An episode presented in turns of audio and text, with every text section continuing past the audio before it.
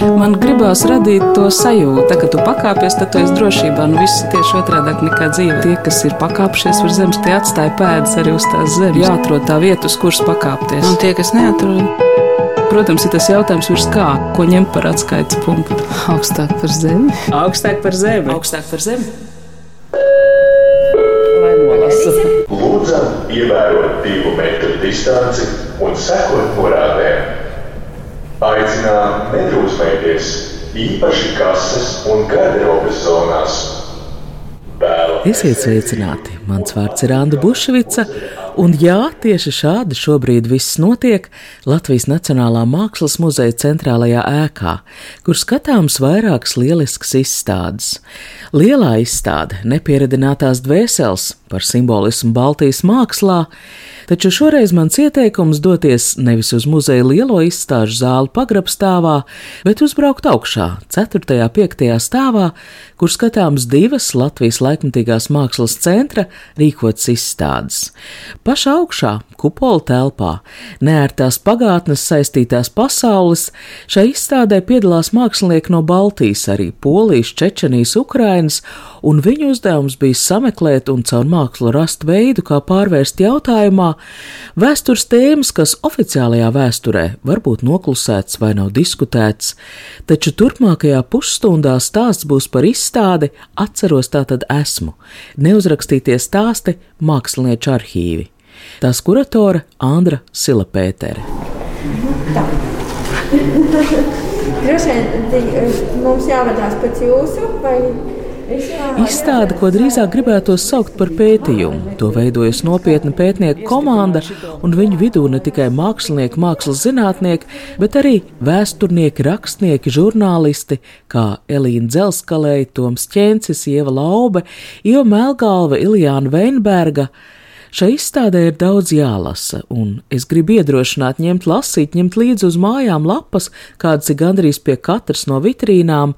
Izstādes sadaļas iepazīstina ar izstādē izvēlēto mākslinieču dzīves stāstiem. Tas mūsu pamatmērķis bija izprotot uh, faktu, ka sievietes mākslinieces pieredze jau ilgākā laika periodā tā tad ir tikusi un tiek izlaista vai netiek pilnīgi uzklausīta un ietverta varbūt tādu plašāku vēstures narratīvu veidošanā, apzinoties šo sava veida problēmu zonu. Jā, tad mēs nostatījām šo vēlmi veidot šo izstādi, pievēršoties dažādām personībām, kas mums ļautu viens pārvērtēt mūsu neseno mākslas vēsturi, mūsu neseno vēsturi un kā caur šīm sieviešu pieredzēm mēs varam iegūt lielākas, plašākas zināšanas un izpratni par uh, konkrēti padomju periodā mm, sociālajām, politiskajām uh, norisēm.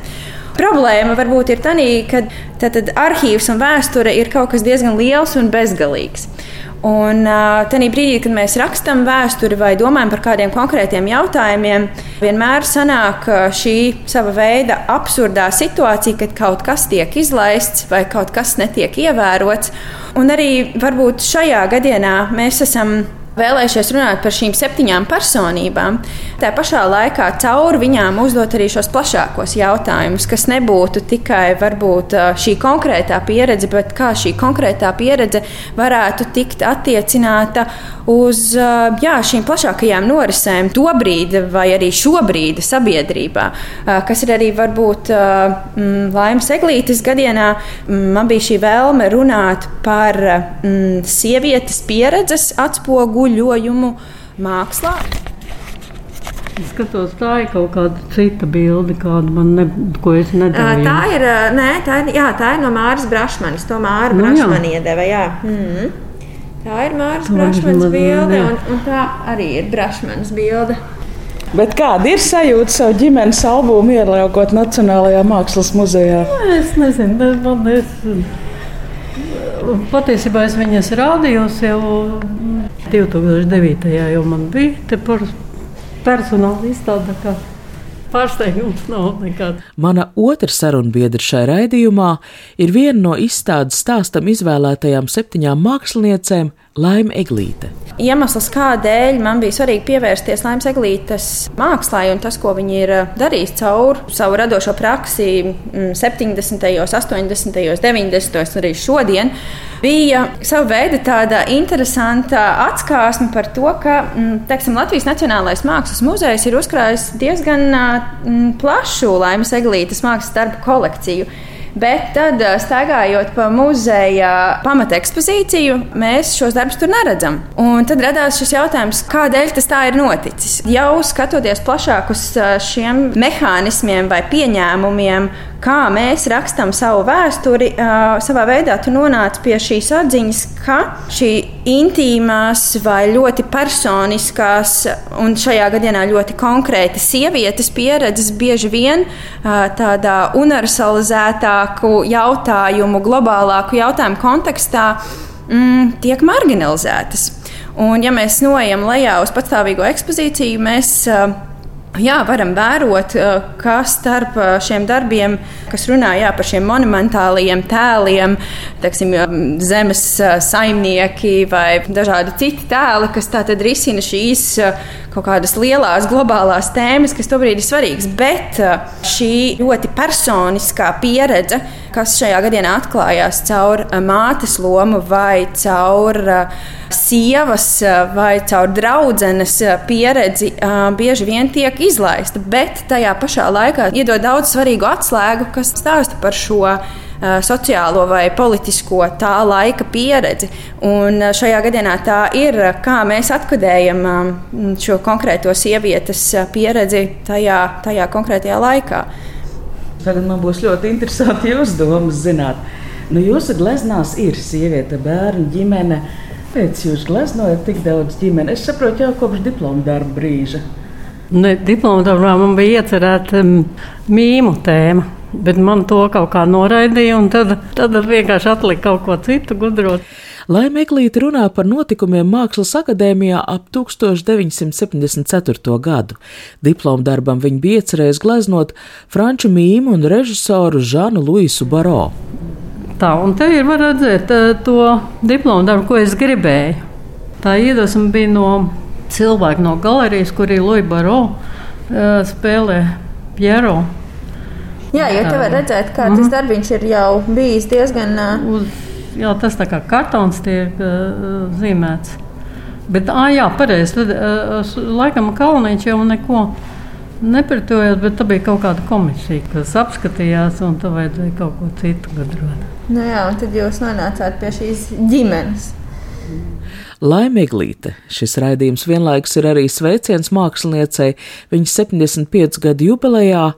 Viņas tolaik noraidītajai interesei par franču mīmu Žanu Luisu Baro ir savs konteksts. Muzeja vitrīnā jūs ieraudzīsiet Mārs Brašmans fotografiju. Laimīglīte biezā melnbaltā grimā Tā ir viena no nedaudzajām fotoliecībām, kas tiek publicēta vai kreis, kad runa ir par Roberta Ligera Rīgas pantomīmas laikiem. Mākslinieci ir arī grāmatā Nenocenzētie. Grāmata stāsta par 20. gadsimta 60. un 70. gadu Rīgas alternatīvajai kultūrai piederīgajiem, un māksliniekam tā varētu būt ļoti interesanta situācija. Nāk jauna mākslas zinātnieku paudze ar savu ambīciju pārskatīt vēsturi, pārlīmēt darbiem reiz piestiprinātās etiķetes, nevienmēr bet bieži varētu arī teikt, ka reizē ar viņa radītajiem darbiem pārvērtēta tiek pati mākslinieka dzīve. Nu, es patiesībā glaznoju dzīvi. Nu, savu dzīvi, protams, kas ar mani notika, un arī vienkārši kaut kādu to, kas atstāja iespaidus. Es tā kā izdzīvoju, iztēlojos tā kā ar sevi. Jo man ir bijuši tādi, piemēram, degoši figūri. Tā kā kaut kur es nevaru pateikt, tagad ne gadu, ne arī vietu, bet bija tie informācijā, kad ir tāds pašsadedzināšanās. Gan Jā, Lietuvā bija, vai ne? Varbūt Polē, es vairs neatceros precīzi, kurās vietās. Tādā veidā es arī reaģēju uz to, kas notiek. Un tad es, es konstatēju arī, ka mākslinieču, tā kā viņām ir mazi bērni, tad ļoti daudziem parādās sievietes ar bērniem. Cik jums ir bērni? Trīs. Nu, jūs arī esat diezgan daudz māte bērnu gleznojis.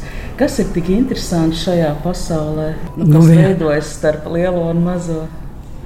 Es nezinu, viss, viss, visa kopējā dzīve, kas notiek, tas ir gan attiecības ar vīriešiem, gan attiecības ar bērniem, gan eh, kaut kāda situācija, kas liek kaut kādā veidā to atspoguļot. Un tagad jums piedāvā gatavu koncepciju, ka tā tad jūsu pieredze oficiālajā mākslā nav bijusi eh, pietiekami atspoguļot. Kā jūs jūtaties to uzklausot? Nu, es nezinu, varbūt muzejā nav, bet es uh, varētu teikt, ka nu, kaut kādā periodā man bija tāda doma, ka, ja tu būsi ko vērts, tev atradīs arī Peli salā. Un apmēram tajā laikā mani arī atrada nu, tiem, kuriem interesēja. Nu, tādā ziņā, ka es nebūtu ievērot, un izstādes man ir notikušas nemitīgi. Bet kāds ir jūsu domas, sievietes mākslinieces liktenis atšķirās no nu, vīriešu mākslinieka? Nu, tas dzīvesveids liktenis varbūt šajā gadījumā pārāk no augšas izklausās. Nu, es domāju, tas ir ļoti individuāli. Man, piemēram, palīdzēja ļoti daudz vīrs. Es, piemēram, neko nezinu no birokrātijas. Visus bērndārus, visu, visu to viņš nokārtoja un visur iešanu uz tādām namu pārvaldēm. Un Man arī ir sava teorija par laimes eglītes dzīvi, ka viņas dzīves stāsts nav tipisks padomju laika mākslinieces liktenis, ka šī radošā vide, pantomīma, mākslinieka vide, arī mājas dzīve ap viņu radīja, šobrīd mēs to varbūt saukt par informācijas burbuli. Rozentāla skola jau arī bija pirmā vide. Tad uh, ansamblī es sāku iet kādā, es nezinu, tur astotā vai kurā klasē. Tur sāk iet, kad četras gadus apmēram. Un, protams, ansamblī bija ārkārtīgi daudz cilvēku aprita. Burvīgi, ģeniāli cilvēki. Kā Tīmans Kalniņš, tur bija Pēters Plakits, Andris Freibergs, Bodrs Tenisons, Rutentāls. Tu jau tajā atmosfērā no visas saņem. Tie visi, kā saka, tā barība, jeb kā saka, tas, kas tev veido. Tagad jau nevarēja apvienot, var sakot, ansambli ar Ah, jā, pareizi, man taču pieteicās bērns, un tad, tad vajadzēja izvēlēties. Ligars jau visu laiku gribēja profesionāli no ansambla nodibināt, bet tā kā tas neizdevās, it kā gribēja, bet mums braukt uz viļņu, kur modrs, sakot, bija vai kaut kā tā, bet, nu jā, un tad, nu, tad vienkārši sākās cita dzīve. es stājos akadēmijā. Bet tas jautājums, ko es jautāju, ka šī kompānija, šie brīnišķīgie cilvēki, Nu, principā ar to pietika. Nu, tā kā jūs sakat, jums ir bijusi maz darīšana ar birokrātiju, ar ārpasauli. Mm. Cik jums liela darīšana bija ar ārpasauli? Nu, tādā... Nē, nu es katrā ziņā es jau piedalījos. Agrāk jau bija Mākslinieks savienības sapulces, mm. tad mēs gājām, un tur varēja uzzināt, kādas būs izstādes. Tad tur varēja vērot citus māksliniekus, un bija diskusijas un vērtējumi un tā tālāk. Un tur jau es gāju, un es arī iesniedzu kaut kādos tajos līgumslēgšana jau bija. Mm. Un tad jau tajos laikos, kad tu noslēdz kādu līgumu, tomēr tā nauda bija diezgan liela. Nu, mēs jau dzīvojam diezgan pieticīgi, bet likās, ka tad jau, ja tev ir noslēgts līgums, tev jau kādu pusgadu mierīgi. Mieri, bet es arī taisīju uh, multiplikācijas.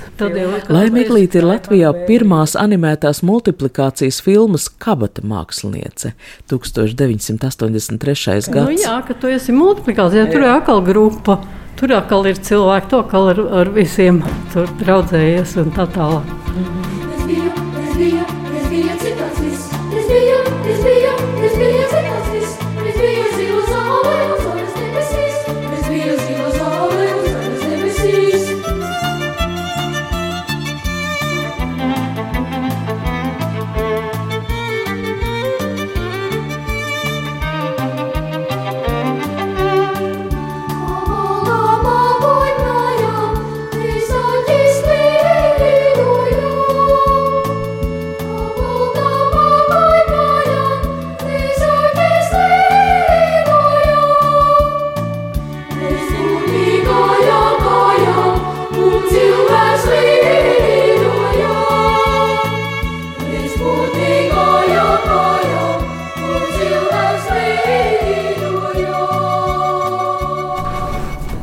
ir interesanti šī izstāde, kas stāsta par sievietēm, mākslinieckēm tieši uzsverot viņa dzimumu. Es pateikšu tā, ka man ļoti interesanti likās tas dzīves stāsts. Tagad pēkšņi neatceros uz vārdu. Olga Nemēna Kateņēva, Parcelāns, ja? Ka, Kateņēva. Jā. Jā. Ļo, noklausījos visu rūpīgi līdz galam. Neko nezināju par viņu pirms tam. Jāteic, ka arī mani Olgas Neimans Kateņevas dzīves stāsts satrieca. Nu, vajag taču. Piedzima 1908. gadā Indijā, kur viņas tēvs, kā talantīgs tējas degustātors, meklēja maskaviešiem ideālo melnās tējas garšu. Tapt kristītai Konstantinopolē, ne vairāk ne mazāk kā Sofijas katedrālē. Cik nojaušams no Elīnas dzelzskalējas izpētītā, Olgai Neimanai Kateņevai mākslā ir padevies itin viss. Inkrustācijas auduma apgleznošana viņa ir arī aktrise, aktīvi darbojusies Rērika biedrībā, kas padomju okupācijas laikā kļūst par iemeslu izsūtījumam uz Vorkutu. Un ko mēs tagad par viņu zinām? Izstādē Nacionālajā Mākslas muzejā redzam pāris viņas apgleznot trauki, kas tapuši strādājot Rīgas porcelāna fabrikā. Principā nebija tā, ka padomu laikā būtu Piemēram, tā kā Renesanses laikā, kad sievietes vispār nenodarbojās ar mākslu, neviens neuzskatīja, ka viņas to varētu darīt. Tieši otrādi bija tas princips, ka darīja visu to, ko var darīt vīrieši, un plus vēl vairāk.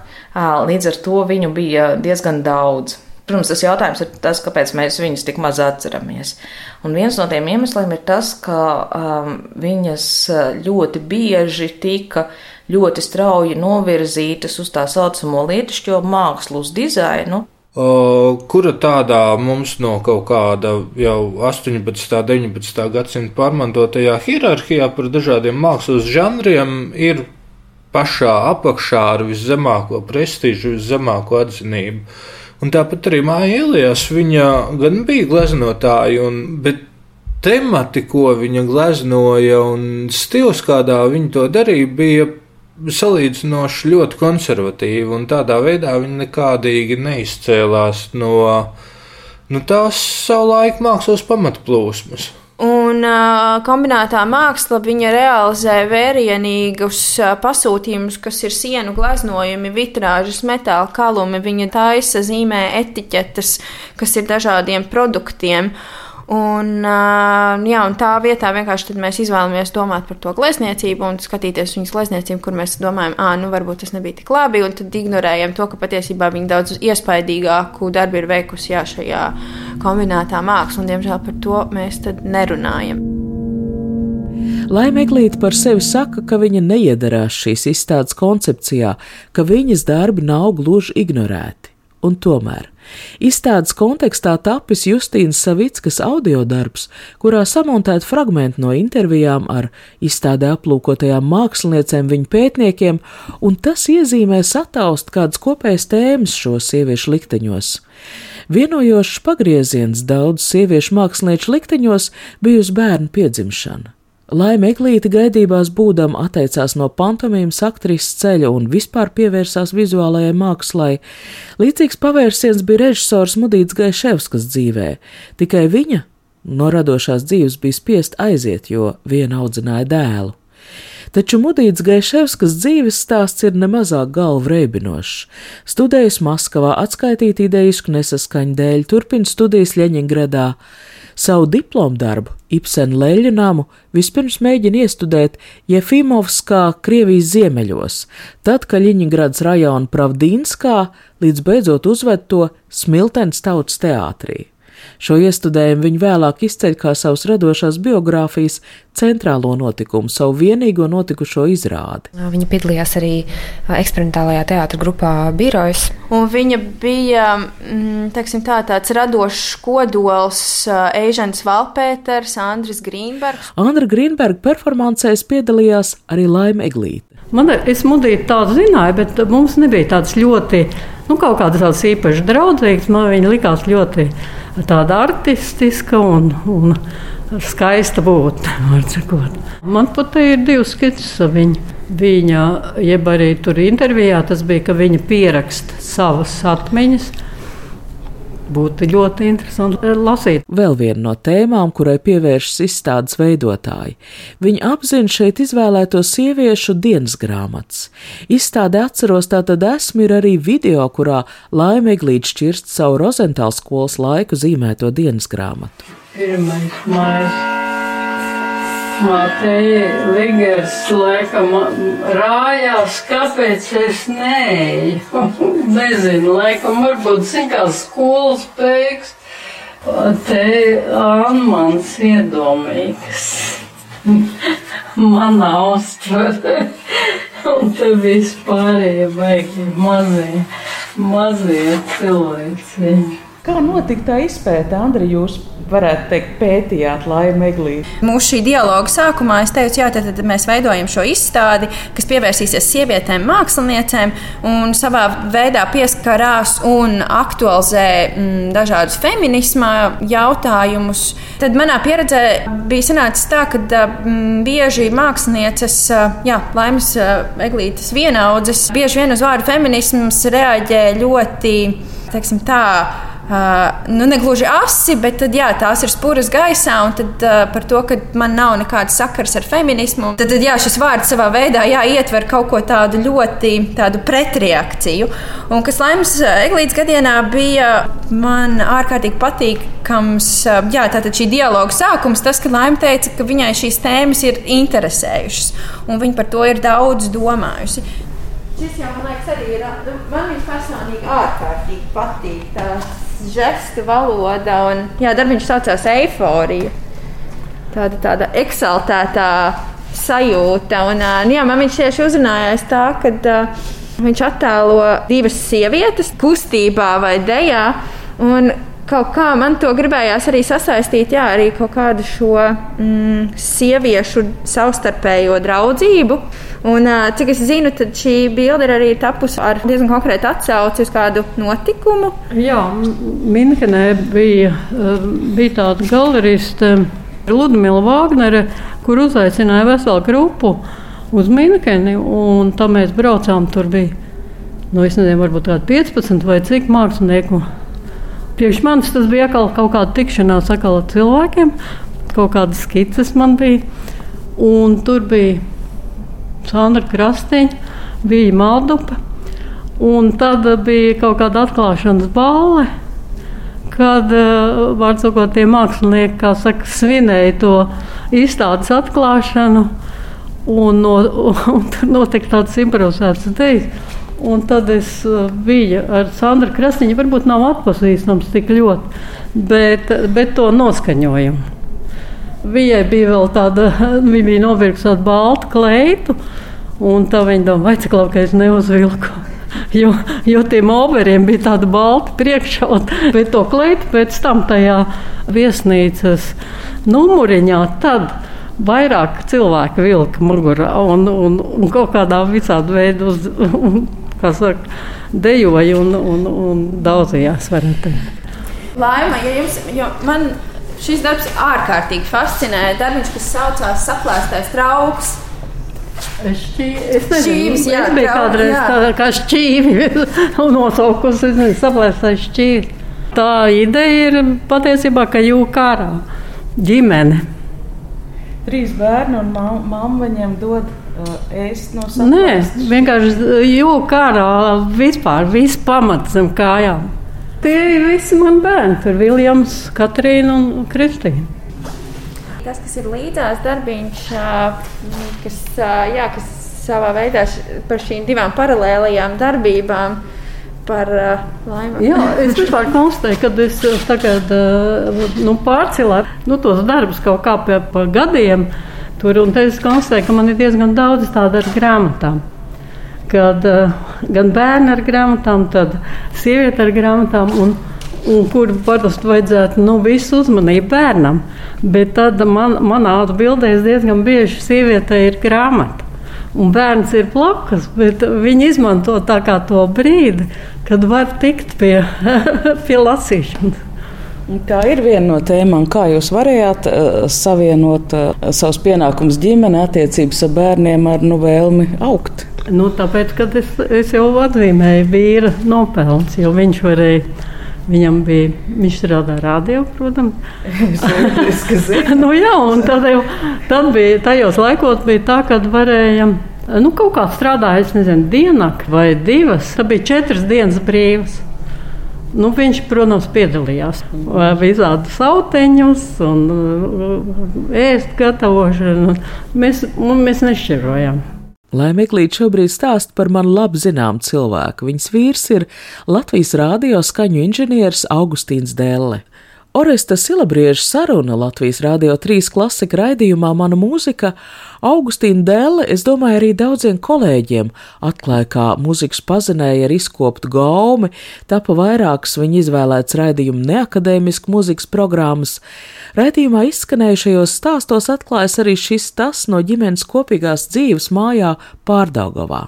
Un tad bija tā, ka es dzīvoju Torņakalnā, tādā lielā dārzā, tālu no ielas, un man vienreiz brālis bija uzlicis uz palodzes vecu radioaparātu. Pieslēdzis patafonu un uzlicis vienu Elvis Preslī, tikko iegādātu platu Elvis Preslī Golden Records. Un Un mēs ieslēdzām to atskaņotāju, sāk skanēt dārzā mūziku, mēs iz, iz, izgājām pagalmā klausīties.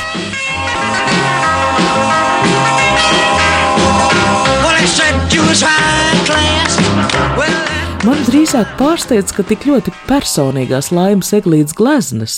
Viena atklājas nesaskaņas ģimenē, kad brūk un jūg ģimenes kopība, otra nodevīgi rāda, ka klasiskajam Madonas ar bērnu tēlam ir arī savas ambīcijas uz pašizglītošanos, abas ir Nacionālā mākslas muzeja īpašums. Jūs esat ļoti atklāti savā mākslā. Nu, es domāju, nu, man vispār mēlē ir iebjā. ne, nepatīk man. Šitie abi ir iepirkti vienkārši no izstādes. Jā, tādi darbi ir Latvijas Nacionālā Mākslas muzeja kolekcijas darbi, kas jā, tā tad ir būtiski. Un, man liekas, jā, diezgan... tas arī man liekas, bija tādas. Tādas diezgan gudras komercijas, ka viņi mm. redzēja, jā, jā, jā. ko vajag. Tieši tā. ko vajag no. Nu, jā, tad mēs arī atgriežamies atpakaļ pie tā, ko es teicu par to jā, savu veidu vēstures rakstīšanu, jo šī, man liekas, ir ļoti sociāli uh, svarīga tēma un svarīga daudzām ģimenēm. Un ir daudzu pieredzes, un um, viņas varbūt uh, mēs bieži vien pieņemam kā pašsaprotams, nu, jo tā gadās. uh, bet tad, kāpēc mēs par šīm tā, pieredzēm nerunājam plašāk? -hmm. Kādēļ mēs viņas neaktualizējam? Un Andra pirms tam teica, ka jūs neskurināties pie vārda feminisms. Nu, es, ne, protams, neesmu nekādā grupā, bet uh, es pavisam kaut ko interesējos. un zinu, zinu arī tos trakos gadījumus, kur tas jūt tuvu. Man liekas, ka tas mm, labi, kad nāk gaismā un arī viss, arī baznīca tās briesmu lietas. Es domāju, ka tas ir tikai labi. Mm -hmm. Varbūt cilvēki paliks gudrāki, bet es nezinu. Mm -hmm. Cerības vai tādas ir. Vēl pie pasauli iztukšot. Mm -hmm. Izstāde Atceros, tā tad esmu, neuzrakstītie stāsti, mākslinieču arhīvi. Latvijas Nacionālajā Mākslas muzejā skatāma vēl līdz 24. janvārim. Varu tikai teikt, ka to skatīt ir daudz interesantāk nekā par to stāstīt, jo daudz izstādes kopsavilkuma secinājumu varbūt jau šķiet zinām nodeldēt, no jauna aizraujoši tie kļūst, uzklausot keramiķis Rits Einbergas, glaznotājs dizainers Mājas Eliases, smalkās vērotājs Rutas Kreicas, tēlnieces Rasas Kalniņas Grīnbergas, kā arī šajā rēdījumā jau pieminēto mākslinieču dzīves stāstus. Šo raidījumu veidoja Anna Bušvica, skaņoperātora Nora Mitspapa, ar mākslas kuratori Andru Silapēteru, ar mākslinieci Laimu Eglīti. Šobrīd mēs kavējamies pie viņas nesenāk tapušā darba šai izstādē. Ja 2009. es jau neatceros. Jā, bija, bija viena pašportreta izstāde. Nu jā, nu un tad saucās kā viņš saucās. Make-up, make jā, un tajos laikos bija, ah, man jāuzliek make-ups. Lai Meglīte ir uzgleznojusi sievieti, kas spoguļu priekšā uzmanīgi sev vēro. Ar lielu otu, kas vienlīdz varētu būt gan kosmētikas otiņa, gan gleznotājs darbarīgs, sejas līnijas viņa izzīmē nevis sev uz ādas, bet gan pretīm noliktajā spoguļā tēlā. vai audeklā. Katrs jau, protams, sevi tajā pašportretā tēlo jau tā kā drusku labāk, drusku smukāk, drusku kaut kā tā. Un te ir, nu, tā kā varētu būt spogulis, ka tu skaties savu vecumu, savā jaunībā, no kaut kā tā. Varbūt. Tā kā tu pakāpies, tad tu esi drošībā. Nu, viss ir tieši otrādi nekā dzīve. Tas ir tā spēle, jā. Tie, kas ir pakāpšies uz zemes, tie atstāja pēdas arī uz tās zemes. Protams, ir tas jautājums, ko ņemt par atskaites punktu. Nē, nu, principā ir skaidrs, augstāk par zemi. Jāatrod tā vieta, uz kuras pakāpties. Augstāk par zemi. Augstāk par zemi. Augstāk par zemi.